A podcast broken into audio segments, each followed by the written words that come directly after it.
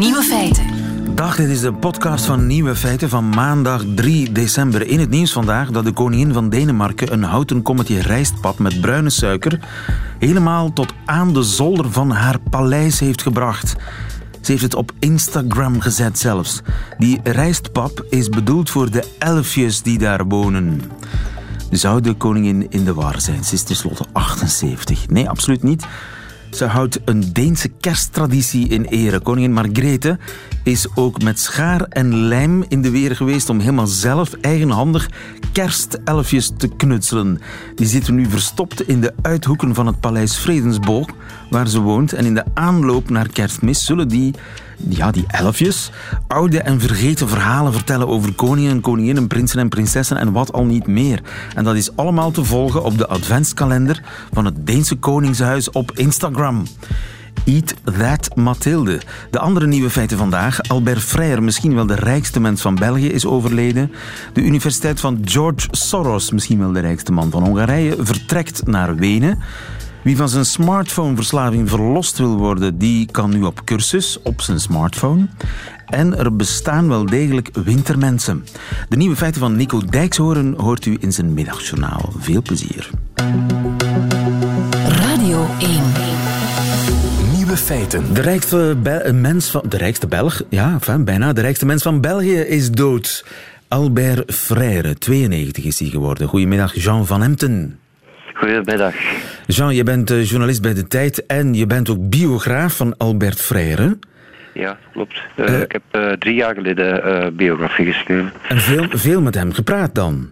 Eh, niet zoveel. Eh vrij was heel moeilijk te be- benaderen. Ehm, ik heb er wel eh, uiteindelijk nog een interview voor het boek losgekregen naar vele aandringen, maar dat was niet zo evident. Het was iemand die nogal op zijn discretie gesteld was. Hij leefde caché en heureux, zoals dat heet. Ja, eh, in, in ieder geval eh, verborgen, zeker op het einde toen hij als financier optrad, omdat ja, hij ook eh, zijn beurs, hoe zal ik het noemen, zijn beursdeals de, in alle discretie deal, om, om zo goed mogelijk uit, zoveel mogelijk daaruit te halen. Hebben we enig idee hoe rijk hij was? Ik hoorde net in het nieuws 6 miljard dollar. Ja, dat is natuurlijk altijd zeer moeilijk. Je kan afgaan op eh, de beurswaarde van JBL en dergelijke meer. En dan kom je in de buurt van 4, afhankelijk van de beurskoers, weer om bij de 4 miljard. Maar dat moet zeker bij, omdat er eh, heel pak privévermogen eh, niet bij is gerekend. Dus 6 miljard, dat kan best hoor. Eh, of hij daarmee de rijkste Belg is, dat betwijfel ik dan weer. Want eh, je mag niet onderschatten wat groepen als eh, aandeelhouders van InBev, eh, dus eh, AB InBev, eh, op dit moment eh, hebben. eh.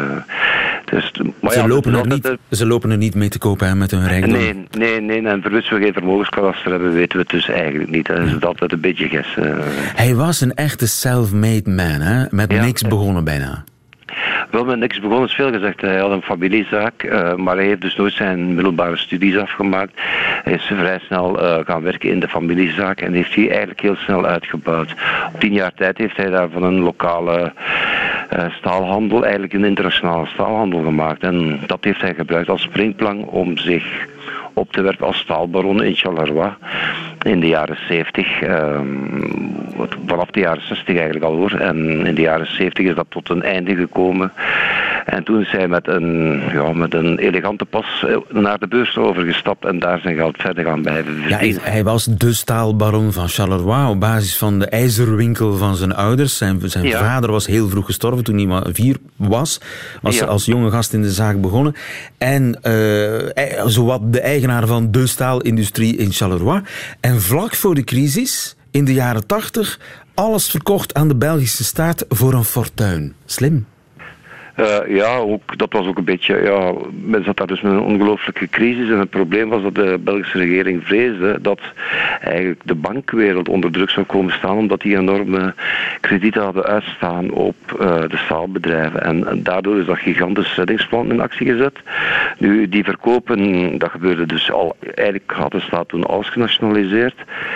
Maar Frère heeft dat nog lang eigenlijk een, een apart verkoopfiliaal eh, ook als gehouden. En daar haalde hij wel nog de winst uit. Die heeft hij pas vrij laat verkocht. eh. Maar goed, hij heeft daar eigenlijk zijn grote slag geslagen en dan eh, is hij heel slim gaan investeren. Ja, daar komt het eigenlijk op neer. Hij had, hij, heeft toch, hij had ook nog andere dingen gedaan, want in Frankrijk had hij ook nog een prachtige koe gepleegd met Paribas, waar hij ook veel geld aan verdiend heeft. En met die twee samen, zeg maar, heeft hij zich dan ingekocht bij GBL, dat toen in moeilijkheden was. Dat was eigenlijk de holding uh, van baron Lambert, rechtstreeks afstammeling van de Rothschilds. En daar heeft hij eigenlijk, ja, hij is tot ter hulp gekomen. Uh, maar ja, na verloop van tijd heeft hij daar de macht gegrepen. En dan uiteindelijk uh, de controle verworven samen met de Canadese familie de Marais. Wat was eigenlijk zijn genie? Oh, Frère was eigenlijk een combinatie van uh, veel opportunisme, maar daar zat toch ook wel een strategie achter. Uh, opportunisme, als, hij, was iemand die ja, het motto luidde goedkoop kopen, duur verkopen. Uh, maar zijn genie was dat hij op, op, op de juiste momenten dat kon doen. niet alles is natuurlijk even, even geslaagd te noemen. Maar hij had toch wel een zekere flair voor, voor zaken doen. En dat is hem eigenlijk de, de, grote drijfkracht van zijn van, van, van zijn imperium bouwen geworden. Ja. Je hebt met hem gepraat. Ik vraag me dan af, eh, als je 5, 6 miljard euro waard bent, wat, wat, waarom doe je het dan nog eigenlijk? Wat, wat, wat drijft zo iemand om nog meer geld te willen? Ja, maar ik denk dat dat vooral uh, te maken heeft met uh, mensen die, ja, als je, als je zo lang in zaken bent, dat je er meer kan stoppen. Ik denk dat dat ook een soort verslaving was. Hij heeft dat ook eindeloos lang volgehouden. Hij, is hij was ook pas definitief verdwenen drie jaar. Um, en, en geleden is hij, is hij pas effectief gestopt. Dus dat is toch al een gezegende leeftijd. Ja, willen um, winnen. Ja, maar de, de, ik denk de drijfveer is op, op het einde meer zozeer geld als nog proberen nog de zoveelste goede deal te doen. Uh, Ik denk dat dat ook een verslavend werkt na een tijdje. Uh. En leefde hij fabelachtig luxueus? Oh, hij, hij, hij, moest zich niks ontzeggen. Hij had een groot huis in Plakteeg, Charleroi. Dat was eigenlijk zijn hoofdbasis en heeft ook altijd daaraan uitgewerkt.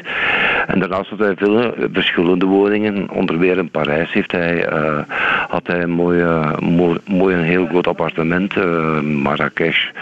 Enfin, ja, ja, zo, hij genoot er wel van. Had ook een fenomenale wijnkelder naar het schijnt. Ja, hij, had, heeft dus uh, de, uh, hij, was eigenaar samen met uh, Fransman Bernard Arnault, ook, ook een multimiljardair. Um, van Le Cheval Blanc. Dat is een van de top Bordeaux die er zijn. Dus dat was van hem. Maar hij was ook een wijnliefhebber. En, en ja, hij had een, dus een zeer grote uh, wijnkelder. Dat klopt, ja. icoon een, van uh, La Belgique à papa. Albert Frère. De vermoedelijk rijkste man van België, zullen we maar zeggen. Is ja. op 92-jarige leeftijd overleden. Dankjewel, Jean van Emten. Goedemiddag. Ja. Radio 1. Nieuwe feiten. We're being forced out of a country that's been our, our home for 26 years. We've received a very warm welcome from the city of Vienna and from the Austrian federal government, for which we're extremely grateful. We zijn welkom in uh, Wenen, in Oostenrijk, maar wij moeten dit land ja, forced out, uh, verplicht verlaten, zegt de rector van de universiteit, de Europese Universiteit van Budapest, rector Ignatjev. Stefan Bos, goedemiddag.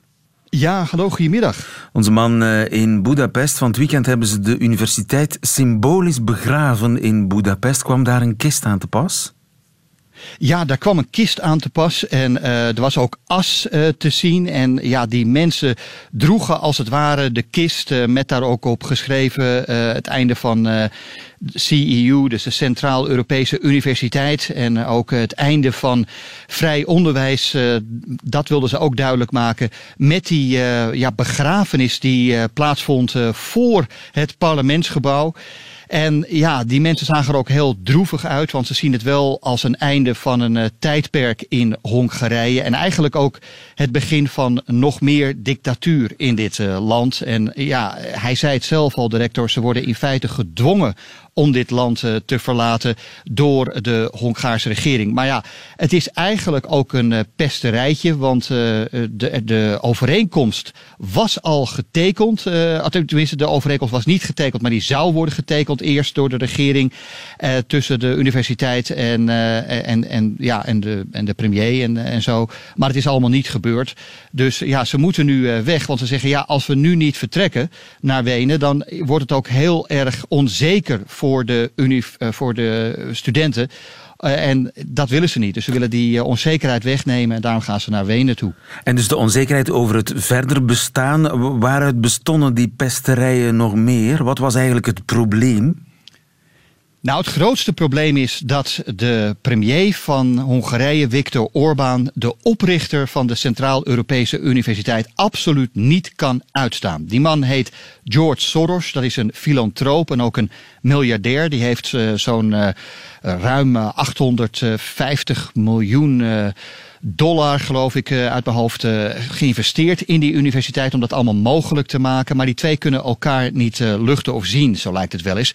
Volgens Orbán is, de, is die Soros een soort liberale bemoeial die zich bezighoudt met de interne aangelegenheden van Hongarije, die ook heel erg pro-migratie uh, zou zijn. En volgens uh, Orbán wil Soros uh, een soort invasie organiseren van migranten die oorlogsgebieden en armoede ontvluchten. Nou, Soros heeft dat altijd ontkend. Maar ja, hij werd als het ware ook een symbool van de verkiezingscampagne van Orbán. Je kon hem ook zien op allerlei posters, uh, die man. Echt zo'n zo, zo foto overal. Uh, en ook met, met, met, met slogans erbij van we laten Soros niet de laatste lach hebben en zo. Dus dat soort dingen speelden mee. En ja, in feite zeggen ze bij de Centraal-Europese Universiteit is het daarom dat de regering ons geen toestemming wil geven om door te gaan. Er is zelfs een speciale wet uh, ingevoerd in het parlement. Die, bestaat, uh, die, die, die wordt ook wel de, de CEU-wet genoemd. En ja, dat komt erop neer dat buitenlandse universiteiten alleen in Hongarije mogen functioneren als ze ook een branche hebben in hun eigen land en daar ook geaccrediteerd zijn. Nou, de CEU zegt wij voldoen aan al die eisen. Maar nochtans uh, heeft de regering uh, die overeenkomst niet getekend en ook zelfs niet erkend. En daarom ja, moeten we wel weg. Ze hadden een deadline van 1 december gesteld. Nou, daar heeft de regering niet op gereageerd. Dus ja, ze gaan nu uh, hals over kop vertrekken. I eigenlijk met de meeste studies naar Wenen. Er zal nog een klein beetje hier wel zijn. Maar in feite, zoals de universiteit bestond, 26 jaar zeg maar sinds de val van de Berlijnse muur. ja, dat is nu over. Ja. En het is eigenlijk voor het eerst ook sinds sinds de Tweede Wereldoorlog dat in een uh, Europese democratie, of wat er nog van, van over is, moet ik zeggen, een uh, universiteit gedwongen is om uh, ja, de deuren dicht te doen. En het is echt een politieke tweespalt eigenlijk tussen Orbán en Soros. Orbán die staat voor de gesloten samenleving, Soros die staat voor de open samenleving. Ja, dat heb je heel goed uh, geformuleerd. Ja, zo is het eigenlijk. Want dat is natuurlijk ook het speerpunt van die universiteit. Om open uh, samenlevingen te bevorderen. Kijk, ze zijn begonnen juist om in deze landen, zoals Hongarije, maar ook uh, heel veel andere landen van het voormalige Oostblok, dus van al die voormalige communistische landen, om daar te helpen bij, bij het openmaken van die samenlevingen. En wat ik ook weet, is dat een heel belangrijk aspect van deze universiteit was ook om studenten te leren onafhankelijk en kritisch te denken. Dat was altijd een groot probleem in de universiteiten onder het communisme.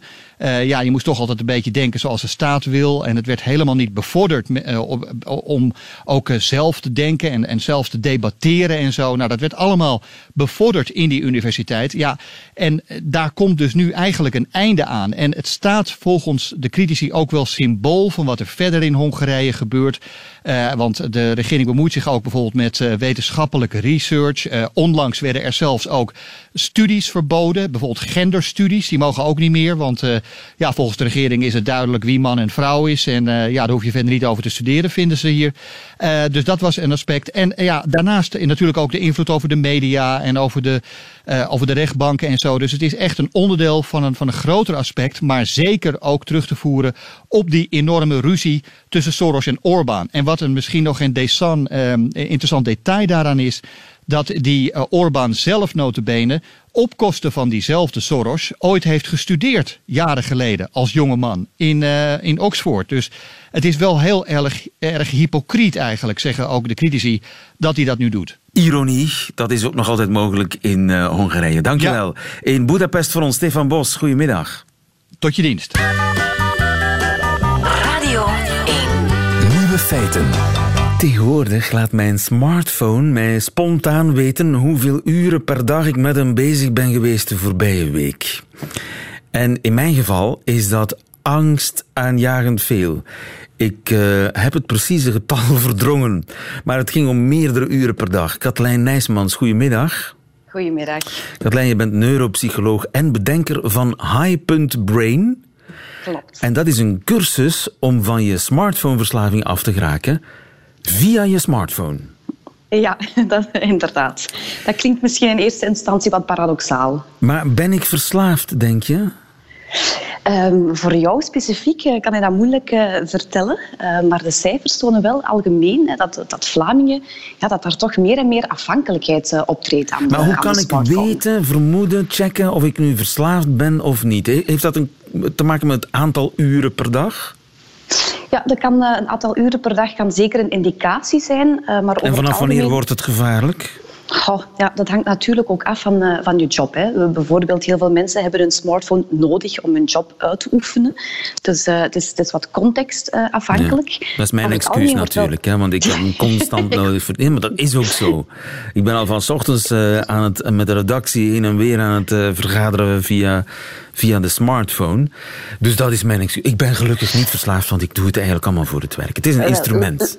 Laat me een andere vraag stellen. Stel je voor um, dat je s ochtends de deur uitgaat en je vergeet je smartphone uh, thuis. En je moet een uur zonder je smartphone doorbrengen. Ik sterf. Kijk, dan uh, gaat dat toch al richting uh, verslaving, denk Ja. ik. Of toch zeker afhankelijkheid. Ja, ja. Dus niet zonder kunnen. Je echt nerveus worden als je hem niet hebt. Ja, klopt. Hè. Bijvoorbeeld, ik, ik sprak er gisteren nog met mijn moeder over en zij vertelde mij dat wanneer zij ochtends uh, achter in de tuin de kippen eten gaat geven, dan neemt zij haar smartphone mee. Ja. Ik vond dat al toch al vrij frappant Ja. om dat te horen. En dat voor je moeder, zeg. Hoe oud En dat is voor mijn moeder. Mijn moeder is, oh, moet ik zien dat ik het juist zeg nu, hè, eh, 63. 63, dus het heeft geen het heeft met leeftijd eigenlijk niks te maken. Nee, nee, ook daar is, uh, is veel onderzoek naar gebeurd. En er zijn verschillende cijfers. Uh, maar het laatste, um, de laatste studie die ik heb meegekregen, um, daar stond in dat zelfs... Het gaat niet zozeer rond de, de adolescenten, maar het gaat meer tussen de, de leeftijdsgroep tussen 20 en 30. Dat die het meest verslavingsverschijnselen zouden, zouden tonen. Maar ik denk in het algemeen dat we daar niet kunnen, geen doelgroep uit kunnen nemen, hoor. Maar een verslaving is iets wat je eigenlijk geen plezier verschaft, terwijl je het toch niet zonder kunt. Nu, ja, ik ben van nature heel nieuwsgierig. Mijn smartphone laat mij de wereld zien. Klopt, ja. Wat, wat is eigenlijk en, het probleem? Wel, dat is eigenlijk heel mooi dat je het, zelf nieuwsgierigheid uh, het noemt. Want ons brein is van nature gebouwd of gemaakt om beloond te worden. Dus dat betekent van zodra dat wij ons veilig voelen hè, in, in onze omgeving, dan, dan gaat ons brein continu op zoek gaan naar dingen die een potentiële beloning inhouden. En dan verwijs ik heel graag bijvoorbeeld naar die rode bolletjes die, die, die zo verschijnen bij hè, uw, uw e-mail of, of bij uw, uw sms'en. Vanaf Nog te moment, ontdekken. Rode bol. Nog te ontdekken, exact. En je ziet het bolletje en je weet niet zeker of het een beloning gaat zijn. Want het kan evengoed een e-mail zijn van, uh, van je baas die je nog meer werk uh, gaat geven of van de redactie die jou uh, nog heel wat andere dingen voorschotelt. Maar het feit dat het een eventuele beloning zou kunnen zijn, is voor je brein voldoende om uh, al een hele stroom van, van dopamine uh, vrij te geven. Het maakt dopamine het onweerstaanbaar. Verslavend, onweersta onweerstaanbaar, inderdaad. Maar uh, stel nu dat er inderdaad heel veel beloningen achter zitten. Ik, ik leer heel veel bij door Klopt. constant op mijn smartphone. Vanaf wanneer wordt het dan problematisch als je eigenlijk dingen doet die je geen plezier verschaffen? Als je dingen doet die geen plezier verschaffen, of wanneer het een heel grote impact gaat hebben op je, je dagelijks leven, hè, zowel op het werk als, uh, als thuis. Hè. Er zijn voorbeelden genoeg van, van mensen die bijvoorbeeld tijdens een concert, een optreden, op een smartphone uh, aan het tokkelen zijn. Of, of tijdens Breek een, me een eten. niet open, zeg. Is- Dat is onvoorstelbaar. En mensen beseffen niet dat anderen dat kunnen zien. En dat zelfs de lichtblauwe reflectie op hun gezicht Exact. zichtbaar is vanaf het podium. Door mensen die, die zich in het zweet staan te werken en hun ziel blootleggen om u te ontroeren. Maar jij zit intussen, ja, even mijn eh, Instagram checken. Klopt, of, of iets op Instagram plaatsen. Of, of gewoon tijdens het eten, hè, wanneer, wanneer gezinnen samen, samen eten. Het, het ontneemt of het berooft um, soms ja, je, je van een tijd om, om samen te zijn. En, en dat vind ik een heel belangrijk effect, om, het berooft je soms van de tijd om gewoon te staren of, of te turen. En dat is neurowetenschappelijk gezien een hele belangrijke tijd. Hè. Staren en turen. Ja, maar dat doe ik inderdaad veel minder dan vroeger, staren en turen.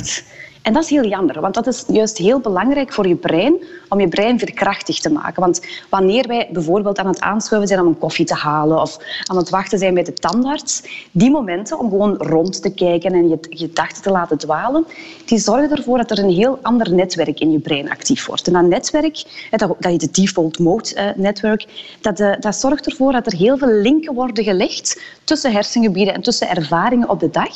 En dat zorgt er ook voor dat wij, heel, ja, dat wij sneller geneigd zijn om een, ja, zo'n aha-erlevenis te krijgen of een geniale ingeving. En zo, zo, van die ingevingen die krijg je niet wanneer je uh, Instagram of Facebook aan het checken bent. Die krijg je meestal uh, wanneer je onder de douche staat of wanneer je op het toilet zit. Hè. Als je tenminste uh, je smartphone al niet meepakt op het toilet. Dus dat zou een enorme rem kunnen zijn op de creativiteit. Absoluut. En dat zou kunnen betekenen dat er ook uh, minder goede kunst wordt gemaakt. Want als schrijvers en kunstenaars ook allemaal voortdurend Instagram zitten te checken en Facebook en wat niet al, ja, dan kunnen ze nooit meer die geniale ingeving krijgen.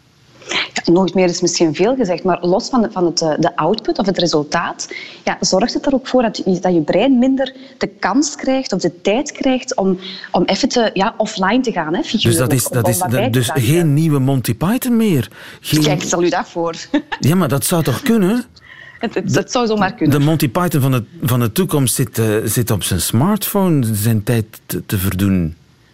Wel, kijk, en, en, daar denk ik dat, dat we mensen wel heel goed uh, bewust gaan kunnen maken van, kijk, een smartphone in zich, ja, daar, daar is niets mis mee. Hè. Het heeft mijn leven alvast een pak makkelijker gemaakt, hè, met, met een aantal apps die mij uh, op mijn werk laten komen zonder ik verkeerd rijd. Er zijn zelfs heel wat uh, smartphone-applicaties die uw gezondheid juist gaan ondersteunen. Hè. Dus in C is er niks mis mee. Er is alleen een, een schaduw, schaduwzijde aan. En, en dat weten die, die smartphone, die, die, die applicatiemakers heel goed. Hè. Die, ja, soms ben dus ik verbaasd hoe goed zij op de hoogte zijn. Ja, natuurlijk, want zij profiteren daarvan en wij moeten meer staren en turen. Uh, en, en die cursus, hoe helpt die cursus mij van mijn verslaving af? In, Wel, in grote die, lijnen? In grote lijnen um, zorgt die, die cursus ervoor in eerste instantie dat je bewust wordt van je, van je smartphone uh, gebruik en de impact daarvan op uh, jouw dagelijks leven. Om dan verder aan de hand van uh, uitdagingen, we gaan mensen uitdagen om bijvoorbeeld um, het eerste uur bij het ontwaken niet op je telefoon te kijken. Hè. Het is bijna 80% van de mensen kijkt binnen het kwartier ik wil het niet op zijn horen. smartphone. Ik wil het niet horen, Katlijn. Hoe lang duurt het bij jou? Eén minuut. Dat is eigenlijk het eerste. Zelfs nog in bed. Ja, ja, ja, ja soms wel, ja. Nu, Katlijn, ik ga eens naar jouw cursus zoeken op mijn smartphone. Hi.brain. Dankjewel, Katlijn uh, Nijsmans. Goedemiddag. Nieuwe feiten. De donkere dagen voor kerst komen eraan en dat is voor sommige mensen een ware verademing. Dat zijn mensen die niet van de zomer houden. Ja, die mensen bestaan. Dat zijn wintermensen. Wouter van Marken-Lichtenbelt, goedemiddag. Goedemiddag. U bent professor ecologische energetica aan de Universiteit van Maastricht.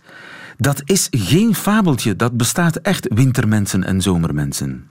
Nou ja, uh, ja je hebt zeker mensen die uh, het graag warm hebben en anderen die juist liever wat meer in de kou zitten. Ja, er zijn duidelijk wel verschillende soorten mensen. Maar er is natuurlijk ook een hele geleidelijke overgang van de meer extreme wintermens naar de meer extreme zomermens. En dat zijn mensen die gelukkig worden als het koud is. Ja, dat is natuurlijk allemaal maar relatief. Maar uh, inderdaad, als je dan twee verschillende mensen naast elkaar zet, dan zal de een zich prettiger voelen in een wat koelere omgeving. De een heeft het op kantoor ook liever wat koeler dan de ander, jazeker. En, maar dat heeft alleen met temperatuur te maken. Het is geen kwestie van licht, duisternis. Um, nou, dat is niet helemaal onafhankelijk van elkaar. natuurlijk is voor wat betreft het het ervaren van de temperatuur, de temperatuur ook het belangrijkste. Maar uh, licht kan er wel een beetje een bijsturend effect op hebben. Dus bijvoorbeeld als je een uh, wat rooige of, of, warme kleuren om je heen hebt, dan ben je geneigd je ook al iets warmer te voelen, onafhankelijk van de temperatuur. Ja. Maar dat er minder zonlicht is, dat de zon al ondergaat tegenwoordig, ja, rond een uur of vijf is het al donker, hè? Maar in hoeverre dat met je temperatuurbeleving te maken heeft, dat is nog niet zo heel erg duidelijk hoor. Dat is, uh... En waar ligt dat aan dat sommige mensen meer van de winter houden dan van de zomer en omgekeerd? Ligt dat aan, zit dat in de genen bij wijze van spreken? Word je daarmee geboren? Nou, voor een deel hebben we daar wel eh, naar gekeken. En wat we bijvoorbeeld zien is dat het heel belangrijk is hoeveel mensen zelf stoken. Dus het energiegebruik, de stofwisseling van de mensen, die speelt daarbij een belangrijke rol.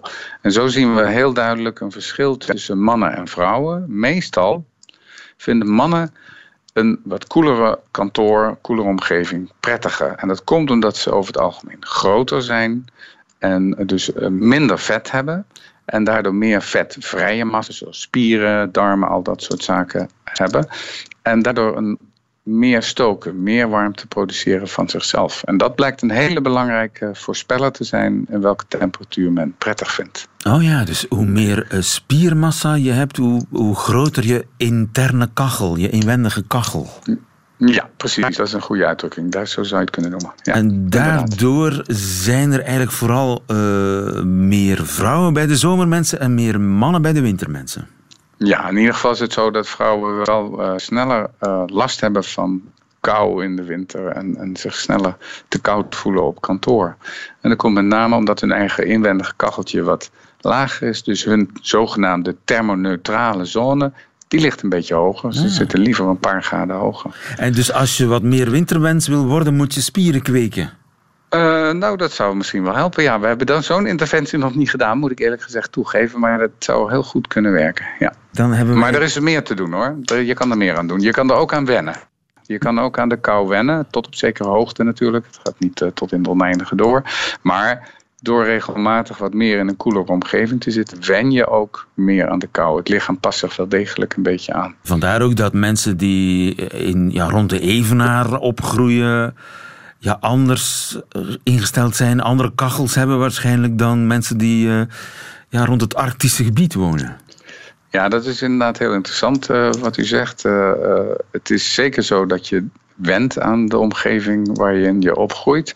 Of uiteindelijk daar waar je bent opgegroeid ook op latere leeftijd uitmaakt dat is eigenlijk, weet ik, geen goede studie daarvan. Dus het zou kunnen mensen die uit de tropen migreren naar, eh, laten we zeggen, gematigde streken, naar, naar Nederland of zo, of België. Daar, um, uh, ja, je hoort wel vaak dat mensen die uit India komen of zo, dat die dat extra koud hebben hier en hun kachels nog steeds hoog hoog zetten. Maar er is niet een fatsoenlijk onderzoek nog naar. Maar het zou goed kunnen. Ja, dat, dat, uh, lang doorwerkt. Dat is iets voor later onderzoek. Dankjewel, ja. meneer Van Marken Lichtenbelt in Maastricht voor ons. Goedemiddag. Ja, goeiedag. Nieuwe feiten. Middagjournaal. Beste luisteraar. Ik zoek, hou vast. Er is mij iets afgenomen. Tot twee weken geleden was alles heel overzichtelijk als ik het allemaal even niet meer wist, wanneer ik aan alles twijfelde, wanneer ik hulp nodig had en geen woorden kon vinden, dan liep ik naar de kofferbak van mijn auto en dan deed ik een geel hesje aan en dan ging ik ergens langs de weg staan. Soms stopte er iemand om te vragen wat er aan de hand was en dan zei ik: Mijn zoon belt me nooit meer. Of ik zei tegen die mensen: Kunt u eens aan mijn haar voelen? Ik weet niet welke shampoo ik moet gebruiken. Eentje voor droog haar of juist een shampoo voor lusteloos haar. En dan hielpen die mensen mij. Op andere plekken gaf een geel hesje mij opeens een enorme autoriteit. Als ik het allemaal helemaal niet meer wist, dan ging ik met een geel hesje bij een treinstation staan. En zonder hesje heeft nog nooit iemand iets aan mij gevraagd.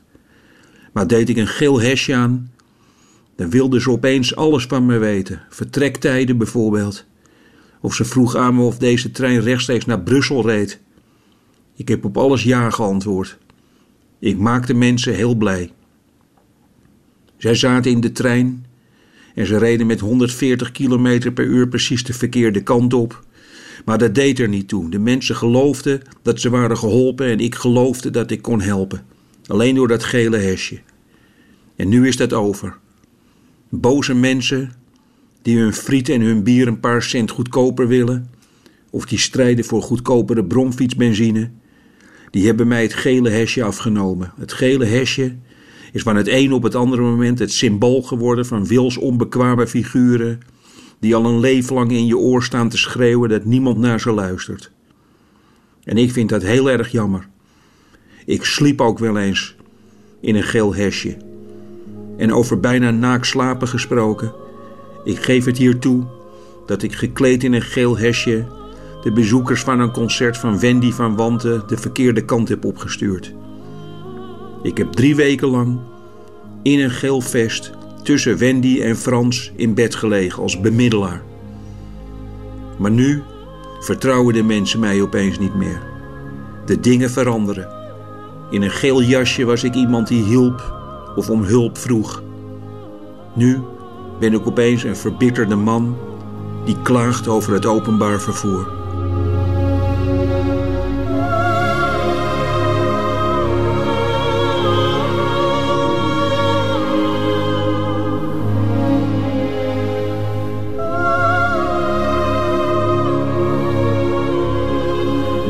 Middagjournaal met Nico Dijkshoorn. Einde van deze podcast, maar u vindt er nog veel meer op radio1.be en op alle mogelijke podcastkanalen. Tot volgende keer.